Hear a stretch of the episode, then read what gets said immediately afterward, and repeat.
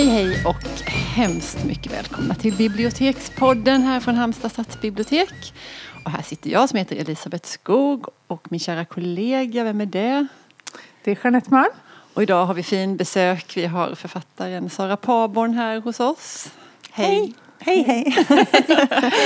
Varmt välkommen till Bibliotekspodden. Tack så mycket. Du har skrivit en av de böckerna som det har pratats, en av de som det har pratats mest om i det här eh, biblioteket under senaste tid, tror vi. Eh, blybröllop. Och vi har spekulerat lite i anledningen till att vi har pratat så mycket om den. Att det möjligen kan vara att den utspelar, eller huvudpersonen är bibliotekarie. Eh, hur, hur, hur kom det sig att du förlade att du bestämde dig för att hon skulle vara just bibliotekarie? Ja, det kanske är en förtäckt, min förtäckta kärleksförklaring till bibliotekarier. Mm. Eh, biblioteket har alltid varit en jätteviktig plats för mig.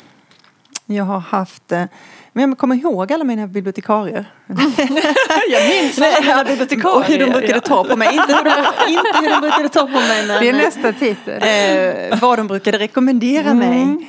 Eh, Nej men också så tänker jag, har jag väl känt tag att det måste vara ganska så eh, att jobba i motvind på vissa sätt att vara bibliotekarie, en bokälskande bibliotekarie idag. Eller jag, jag började störa mig för några år sedan på att det var mycket väsen på biblioteket där jag gick. Och mm. till slut var de tvungna att stänga igen. Jag känner både raseri och sorg och ilska över att ingen säger ifrån. Och att mm. hur svårt kan det vara att behålla ett tyst rum i offentligheten. Nej. Där mm. den som låter mest alltid vinner på något sätt och tystnaden anses vara mesig. Mm. Så jag kände att um, att en huvudperson som hade kommit till mig egentligen flera år tidigare i form av ett namn, Irene Husvig, och jag visste var hon skulle bo. Och jag visste att det skulle vara en kvinna som var i 65-årsåldern. Plötsligt så stod det klart för mig då, när jag började reta mig på det här med bibliotek biblioteken och hur folk tar sig rätten att låta på bibliotek, att eh, min hjältinna som bedriver sitt enmanskorståg mot fördumningen måste vara en bibliotekarie mm. som har tröttnat på att sättas på kartan och hänga med på tåget och tuta och köra. Hon, hon är sjukt trött på det. Hon, hon vill liksom bara att folk ska läsa bra litteratur. Mm. Mm. Ja, det, vi kan ju inte annat än att hålla med om allt det, det du har sagt. Nej. Um. Men hon är ju ändå lite speciell får man väl säga Irene. kan man tycka. jo, eh, hon går ju längre än de flesta. Mm.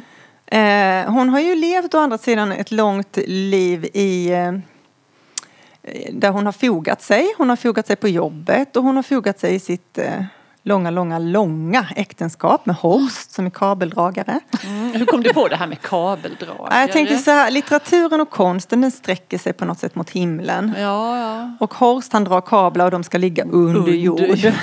han drar neråt. Och eh, han drar neråt och hon drar uppåt. Och eh, mm. i det här äktenskapet så har han, som har varit i nästan 40 år, så har han får ta väldigt mycket plats och hon har accepterat att eh, tingens ordning. Hon har mm. accepterat att hennes lilla läsarna har blivit nedflyttad till källaren och hon och att han har mm. tagit över vinden med sin audioutrustning. Och du och måste berätta viktigt. om den, för detta tycker jag är så festligt. Ja, det är väldigt, väldigt viktigt med audioutrustning. Alltså, mm. Jag vet inte om ni har lagt märke till det med människor som är väldigt intresserade av hi-fi. Mm. De eh, tenderar till att eh, grotta ner sig väldigt mycket i teknik och nörderier. Det ska vara guldpläterade sladdar och man ska hissa upp oh, ja. mm. högtalarna och sånt där. Jag tyckte det var väldigt komiskt det där. Jag snackade med en kille som jobbade med sådana här människor som installerar sådana här svindyra stereoanläggningar hemma. Han sa att Bland annat så har man, eh, brukar man ha en spik i golvet och det är referenspunkten där man då ska sitta och lyssna sant. på den här ja. musiken. Jag trodde du hittade på i boken. Nej, det är Nej. sant. Hon slänger ju sedermera den där spiken mm. ut genom åt helvetes väg.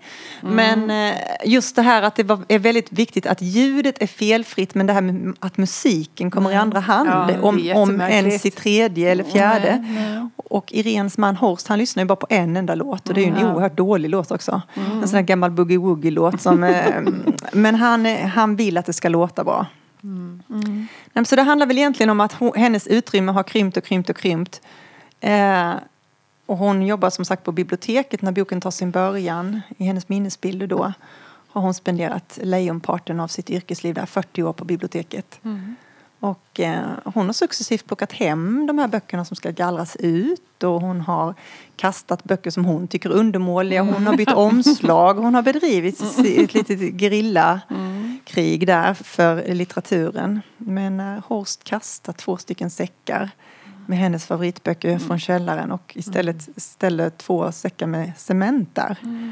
Då är inte bara måttet rågat utan då får hon också syn på en gammal brudkista som hon har ärvt av sin mamma. Och i denna brudkista ligger det under ett par gardiner av kretong en skokartong. Liksom, rysk docka detta. Och i den finns det blytyngder. Mm. Lala! Och eh, Irene som då är en, en vetgirig människa hon börjar läsa på om bly. Och det är ett väldigt ett legendariskt ämne på många sätt. Det är originalingrediensen i blyertspennor. Mm. Och det är ämnet som vissa hävdar orsakade romarrikets fall. Man använder blysocker i vinet för att göra det hållbart och sött och sådär. Mm. Och hon stötte på ett gammalt recept på blysocker i en, ett av de här uppslagsverken och börjar väl egentligen där att hon vill se om hon kan tillverka det här själv. Mm.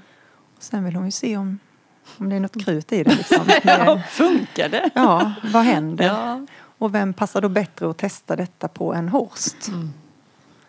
Så tar den här berättelsen sin början som mm. handlar om Horsts gradvisa förtvinande mm. och eh, Irens eh, gradvisa frigörelse kan man ja. säga. Mm. mm. Jag hörde, vi pratade tidigare i ett annat sammanhang här på biblioteket och jag tyckte, gillade den här bilden du sa att, att det var som att hon skapar ett konstverk. Mm. Det låter kanske att man är helt morbid om man säger det. Men alltså hela det här förloppet, jag, jag gillade den bilden. Mm.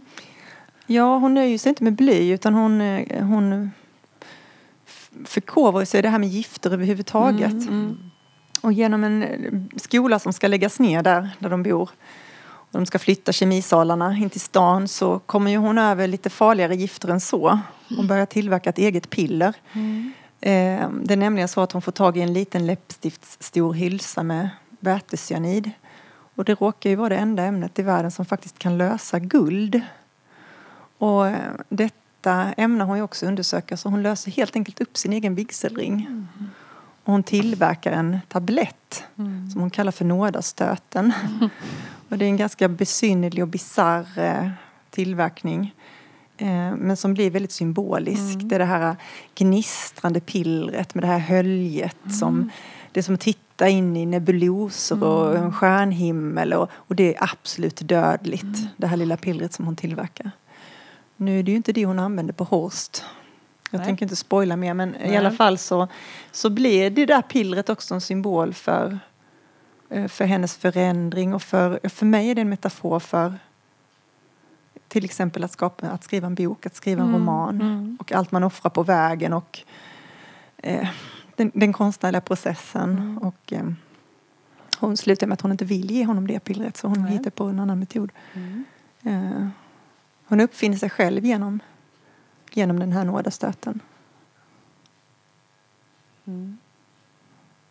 Ja, men jätteintressant. Ehm, det finns flera liksom ingångar mer till det här. Men något som vi pratade om tidigare här, att varför, vad vi gillar så himla mycket, för det gör vi verkligen med din bok, och det är att att på bibliotek så är det, det svåraste man vet är när någon frågar efter ah, jag vill ha tips på en rolig bok. För det finns ganska många roliga böcker men, men det är väldigt ofta då generellt grov generalisering här så blir det ganska flabbigt och lite, sådär, lite bonkomik och väldigt, alltså, ganska grunt sådär. Det är sällan man hittar en bok som både är rolig och som har litterära kvaliteter och där det finns saker att diskutera och liksom att fundera vidare kring. Och detta tycker vi sammanfaller så himla bra i din bok.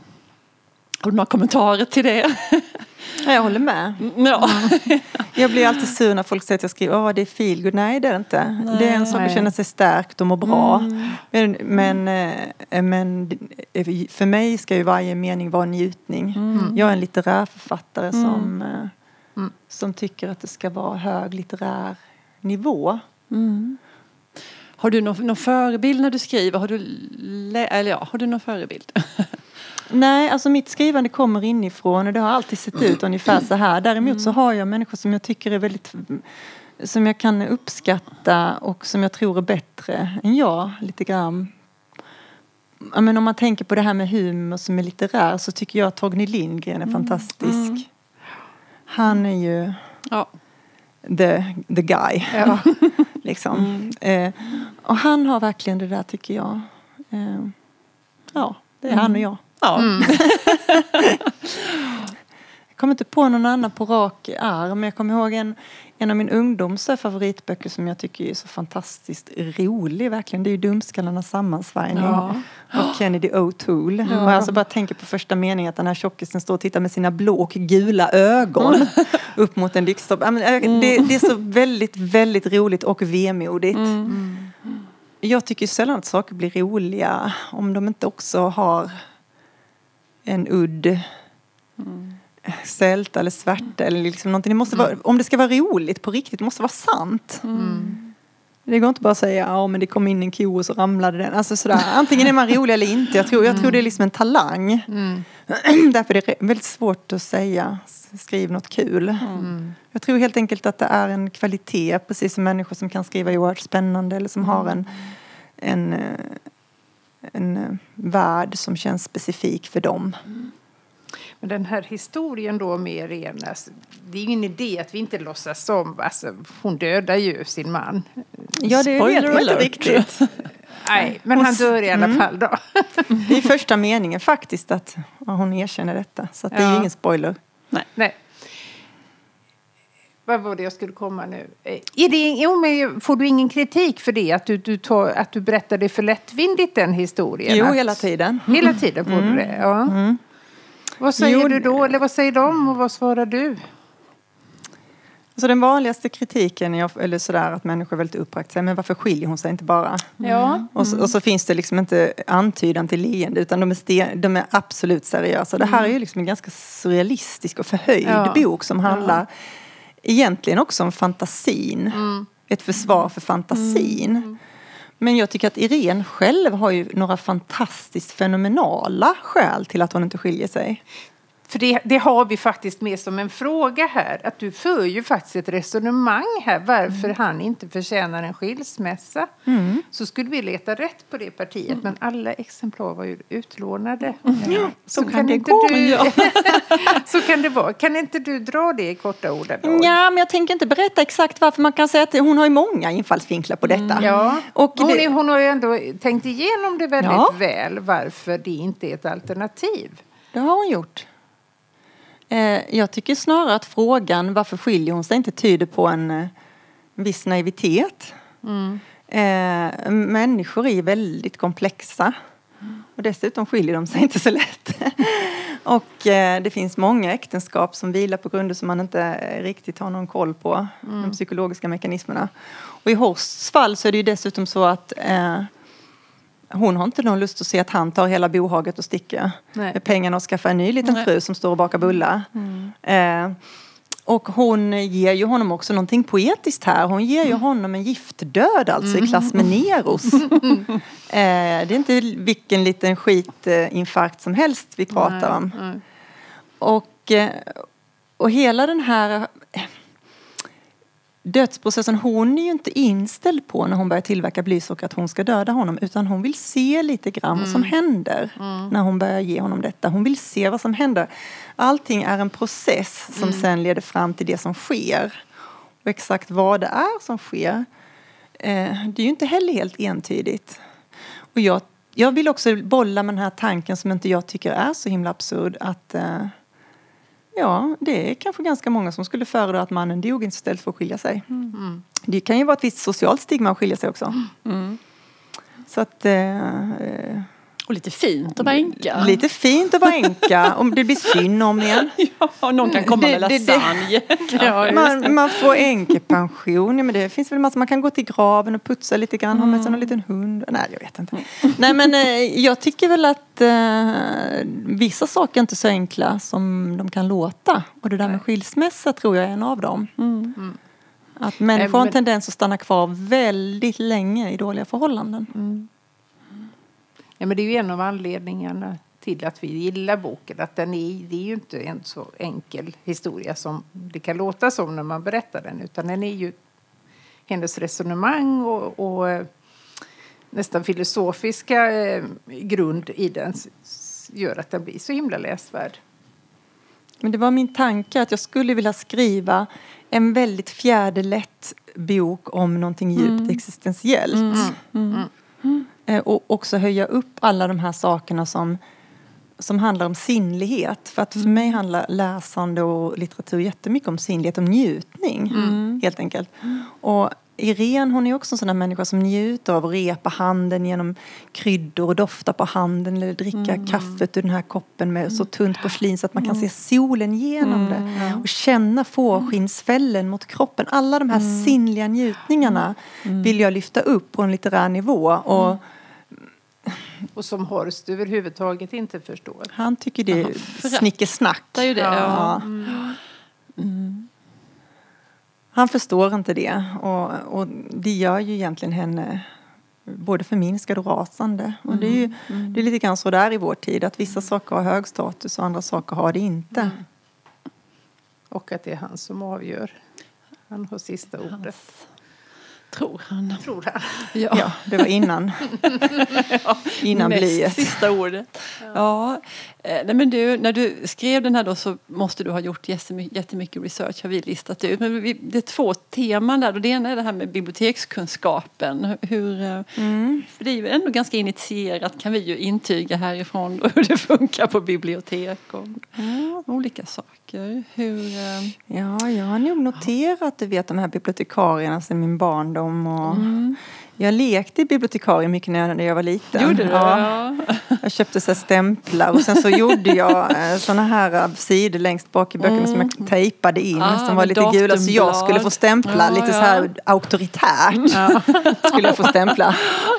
Eh, ja, det där sög jag i mig. Det var ju Mm. mitt drömjobb. Och sen så tänker jag också att biblioteken har väl knappast undgått den allmänna eh, trenden med att öppna kontorslandskap och ambulerande arbetsplatser och Nej, chefer nej. som kommer in och som ska Ja. förändra. Och just i, i det här bibliotekets fall så är det så att lyrikhörnan ska Mm. flytta ut i garderoben och där ska istället få plats med en karaokebar för att man ska Ja. locka nya målgrupper.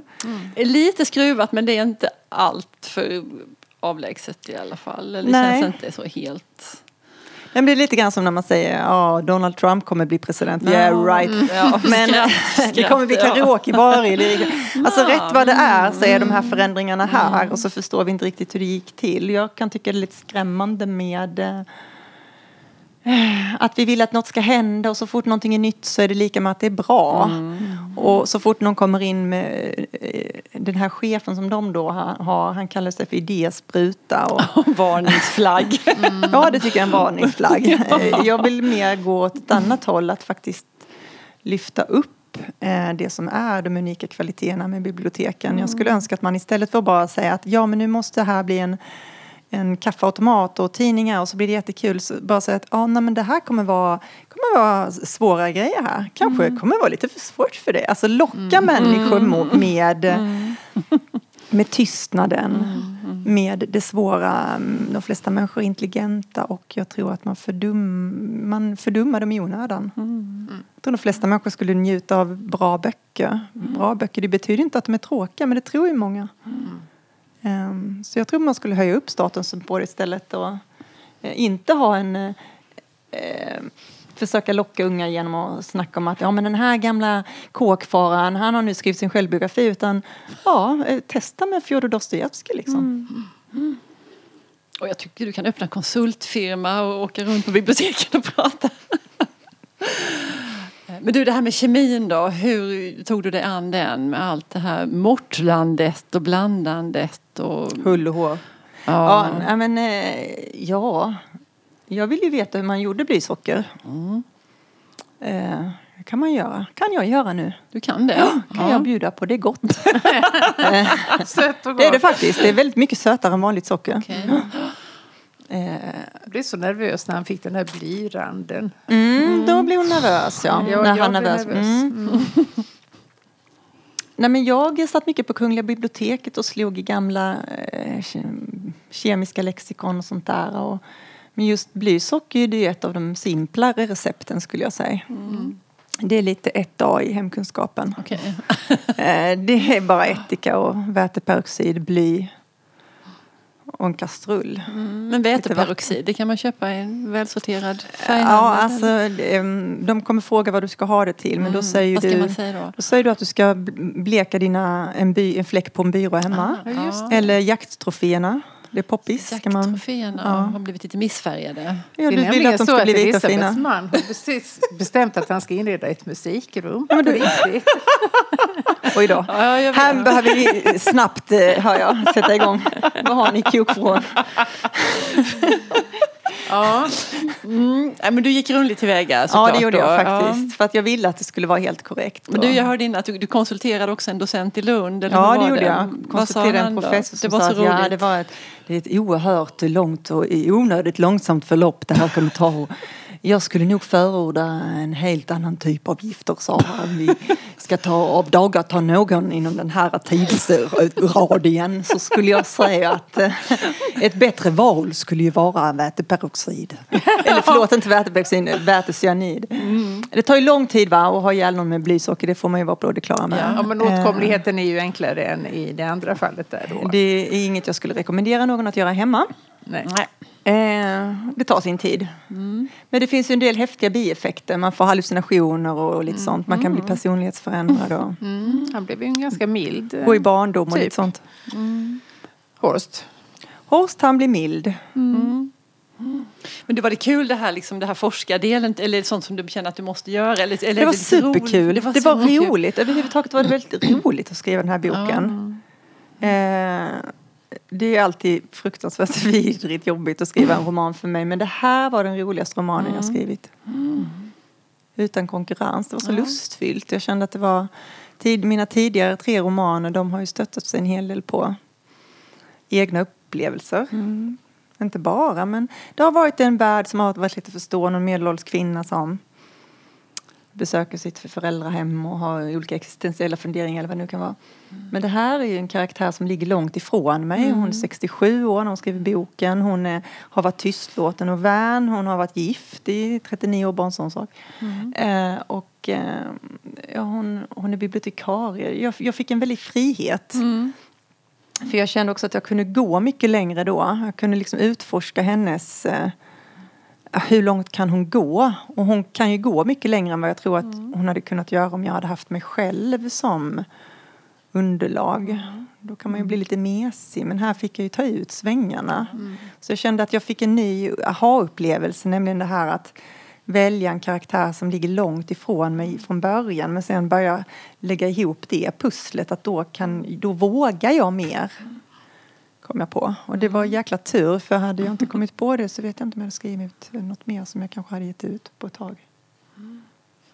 Visst var det kul det här med blybröllop när du upptäckte det? Eller Ja, det var ju var det så. helt klockrent? Det var ju klockrent. Tänk va, man ska fira sitt plywoodbröllop. Pappersbröllop och plywoodbröllop. Ja. Bomullsbröllop Ja, ja. känns också lite så här hyfsat svagt. Tråkig titel. Men blybröllop, jag tycker det också är Ja, intressant med det här med bly, något som är så tungt. Ja. Det låter ju inte bara positivt med blybröllop va? Nej. det gör man har det bly inte. i fötterna Ja. säger man. Så här, det är ju Blytungt. Ja, fy fan bly. nu är det segt. Ja, Skitjobbigt. Eh, det är väldigt roligt tanke. När jag började googla detta då kom det upp ändå lite så här, åh min mamma och pappa de firar blybröllop, titta på dem vad lyckliga de är liksom. och jag, eh, det är lite komiskt, det där finns ju på, på ganska många språk. eh, Det här att varje årsdag har, Mm. har någon eh, valör. Ja, det är en lockande titel faktiskt. Du, du sysslar ju också faktiskt med ett av våra andra favoritämnen och det är poesi. Mm. Jag upptäckte att du har en app. Yes, En den heter väldigt Poesi på G. snygg app. Ja, vi laddade ner den rakt av här. Ja, Oh, lyssna yes. tar vi. Poesi på G. Mm. Hur kom det sig? Jag hade skrivit en diktsamling som heter Vilken tur att vi träffades innan vi dog. Den handlar just faktiskt om ett kärleksförhållandes uppgång och fall. Men samtidigt som jag fick veta att den skulle ges ut så tänkte jag att jag kan inte bara göra en diktbok som ska ställas i en hylla och sen så kommer eventuellt någon redan invigd hitta den. För att jag tror att poesin har så himla mycket större relevans i vår tid. Eh, en dikt är ett jättebra format av många skäl.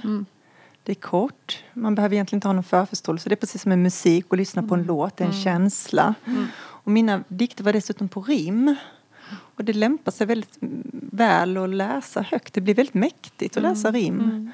Så då tänkte jag, nej men jag vill göra något som når en yng- yngre människa. Och jag vill nå, göra något som når människor som inte ens bryr sig om böcker. Och hur gör jag det? Jo, jag behöver någonting digitalt, en app, yes. Och jag behöver kändisar. Så jag ägnade ett år åt att mejla, och många hundra tror jag, kändisar och fråga om de ville ställa upp på det här. Och läsa en dikt. Jag tänkte det ska vara en dikt om dagen, man får inte mer. Man kan gå in när som helst men du får 20 dagar och du får en dikt om dagen. Och det är en kändis som läser den. Och sen så har vi ett kort samtal om skrivande eller kreativitet eller konst. Och sen så får den här kändisen ge sitt eget boktips. Och detta ska då vara förpackat tänkte jag så, så snyggt så att man vill äta upp det. Ja, det vill man nästan. Och det är faktiskt en konstnär som heter Dennis Eriksson som har gjort den här munnen och en jätteduktig reklambyrå som heter Le Byrå som gjorde hela formen och vann silverägg för det där uppdraget. Ja, men den är så jättesnygg. Och jag har själv bekostat den faktiskt. Ja. Och, ehm, för jag ville att den skulle vara gratis. Så jag ser det som mitt bidrag till eh, poesin. Sen har jag jättemycket fler idéer vad man skulle kunna fylla en sån här app med och hur man skulle kunna använda poesin i undervisning, i lära sig svenska, att lära sig förstå inte bara ett språk utan en rytm, en folksjäl. Eh, och det skulle man kunna göra åt alla möjliga håll. Det skulle också vara intressant att höra poesi från andra delar av världen. Läsa och förstå ett land genom det och höja stoltheten hos kanske människor som kommer hit och har ett annat kulturarv och kanske presentera poeter för dem som de inte ens själva känner till. Alltså det finns väldigt mycket man skulle kunna göra med poesi. Absolut. Och det var ursprunget till att jag ville göra den här appen och den har laddats ner nästan 20 000 gånger. Oj. Poesi på G heter den och den finns på alla plattformar där man kan ladda ner appar. Men det är 20 000, det låter ju jättebra. Mm. Det är ju en väldigt bra resultat. Ja, ja. Synd att inte jag får en krona för alla laddningar. Det är lite sorgligt att sådana här i- initiativ helt och hållet bygger på ideell verksamhet. Ja. För att jag tror att poesi skulle man kunna lägga pengar på och använda i, i för nyanlända, i, i svenska undervisning, på, på en massa olika plattformar. Absolut, det är precis någonting som du säger med formen, att den här överblickbarheten. Liksom, att det är, och, det är också någonting som man kan prata om, man läser det tillsammans och sen kan man prata. Alltså det föder så mycket tankar. Och, Ja. och hur låter det och ljudet och det här rytmen. Och, Ja, och det här med att kunna tala högt, läsa högt, det märker jag på mina barn. Det är inget självklart, de kan ju knappt prata höll jag på att säga. Eller kan de, men de har ett dåligt ordförråd och det har många unga idag. För att man läser inte högt, man är ganska isolerad med sin iPad eller vad det nu är. Och man har Korta texter. korta texter och ett bantat språk. Och eh, jag tycker det är helt osannolikt konstigt att vi låter detta ske. Och att politikerna låter det ske. För att poesi är ju faktiskt dessutom helt opolitiskt. Det är någonting man kan tala om oavsett vad man har för politisk hållning. Och det behöver inte laddas med en massa saker. Nej. Utan- Nej, men det är väl den här vanföreställningen om att det är någonting som är svårt och märkvärdigt. Mm. Och inte för alla. Nej, då kan ju rim hjälpa för att jag tänker Mm. på många av de här dikterna som man kunde utan till för hundra år sedan. Det kunde människor, människor kunde Mm. Ja. dikter utan till. De kunde strofer, de kunde de här rimmen. Mm. Det är en form av andlighet som har gått förlorat idag. Eh, som också handlar om njutning och skönhet väldigt mycket. Och livserfarenheter. Någonting evigt. Det som fanns eller finns i religionen. Men eftersom vi är så sekulära så har vi ingenting. Eh, och det tror jag tar knäcken på oss. Jag tror att det är därför människor blir utbrända. För att de är andligt eh, utarmade. Armade. Mm. Och där har konsten en jätteviktig Mm. uppgift att fylla. Man måste se det i ett större perspektiv. Det blir inte bättre för att man får en ny jacka. Men det kan bli bättre om man får en känsla av sammanhang och att ja, men det, här, det här har tusen före mig upplevt, det har miljoner före mig upplevt. Det här är eviga precis. problem, Mm. eviga... Någon annan har formulerat Ja. just det här som Ja, jag känner. exakt Det som jag känner just nu och jag är inte ensam. Nej. Och man kan bli tröstad och man kan, ja allting och man kan hitta njutning Mm. i, i hur orden låter eller i någon särskild formulering som bara kan knocka en. Mm. Så, Det är väl därför jag är eh, alltid villig att ta en kula för bibliotekarierna. och för konsten överhuvudtaget. Åh, det var fint. Det var länge sedan vi hörde det, Jeanette. Det var verkligen Att de ville ta en kula det. för oss. Men, Ja, ja. vi suger på det. Eh, vi brukar ju också sluta med att vi delar med oss av ett boktips. Eh, Elisabeth och jag brukar alltid prata om någonting som vi läser just nu. Men våra gäster får givetvis välja fritt. Och vi brukar låta gästen börja också. Har du någonting? oj då, pang på så här. Ja, nu har jag Ja. faktiskt läst en jättebra bok av en irländsk debutant som heter Sally Rooney. Och boken heter Samtal med vänner. Just det. Ja. Den handlar mycket om det här med eh, normer kring kärlek och, eh, och att man kan vara kär i kanske två personer samtidigt som hon är i den här boken och hur kärleken ser ut. Men allting på en extremt hög litterär nivå som är mindblowing bra. Och det talas ju om henne i hela världen, hon är bara 26 år. Ja. Ja. Det var så konstigt för jag läste om den idag och blev jättenyfiken. jag tyckte den var fantastiskt bra. Ja, och sen så pratade vi tidigare här om Mödrarnas söndag av Graham Swift som jag också Ja. tyckte var en fantastisk liten roman. Vi har gjort en hel podd om den Ja. Ja. boken. Och sen så tänker när jag tänker på eh, poesi så träffade jag Johannes Anjuro förra veckan och jag tycker att hans första diktsamling Det är bara gudarna som är nya. Fantastiskt vacker och även i hans romaner märker man ju att han är poet. Det är sådär så att man nästan åh, får annöd för det kan vara så vansinnigt vackert. Bra tips. Vad hade ni för tips då? Ja. Ja, det är Ja.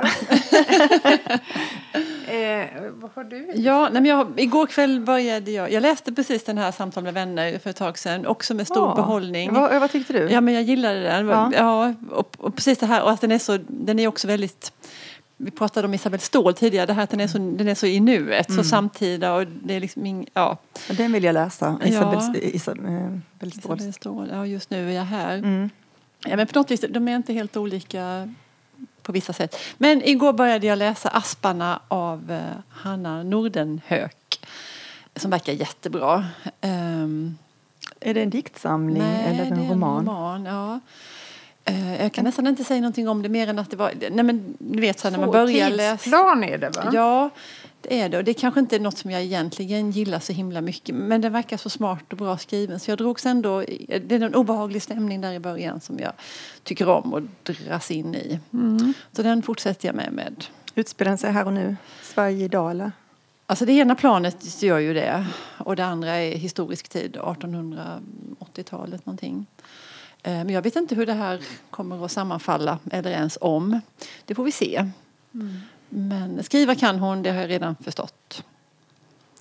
Jeanette, Ja, vad läser du? eh, jag läser, tack och lov, har jag inte slutat med det. Eh, Jag läser Sadie Smiths eh, senaste bok som heter Swingtime. Hon är en av mina favoritförfattare. Eh, Hon slog igenom med dunder och brak med Vita tänder och sen skrev hon Då träffade jag henne. Ja, gjorde du? Ja, det var långt innan jag debuterade. Men jag gick på Kulturhuset själv och lyssnade på henne och åkte till Stockholm för att lyssna på henne. Ja. Och eh, då fick jag en bok signerad. Jag kommer ihåg jag gick fram till henne efteråt. Jag var nervös verkligen. Men hon var så här viktig förebild. För hon var cool, hon var bra, hon var originell. Och så skrev hon You lack an age. För jag heter Sara utan H, but nothing else. Den har jag på hedersplats. Förlåt. Ja, nej men det, alltså, jag gillar henne verkligen. NV som eh, kom för några år sedan, fast en av de bästa böcker jag har läst. Den, den blir bättre och bättre jag... Alltså den, det var länge sedan, men den, poppar upp ibland och det var vissa formuleringar där och vissa partier, för hon verkligen genom språket eh, placerade personer i socialgrupper och etnicitet och utan att skriva någonting i, på näsan utan bara genom att beskriva deras färdväg nästan. Eh, assnyggt. Och nu är det swingtime och den, eh, jag har inte läst jättemycket ännu. Men det är två flickor som är väldigt, väldigt olika. Det som förenar dem är att båda har en vit och en svart förälder. Och man förstår, nu är de väldigt små och de dansar och de sjunger men deras vägar kommer att skiljas åt för de har helt olika eh, förutsättningar och eh, föräldrar med olika ambitionsnivåer för dem. Men jag vet att den kommer att vara lika bra hela vägen. Mm. Ja, vi får ju sluta någon gång. Det kanske är dags nu. Kanske det. Hem och läsa. Hem och läsa. Tack snälla Sara Paborn. Tack, det var ett bra samtal tyckte jag. Kul att du kom hit. Tycker jag Tack och hej. Hej! hej.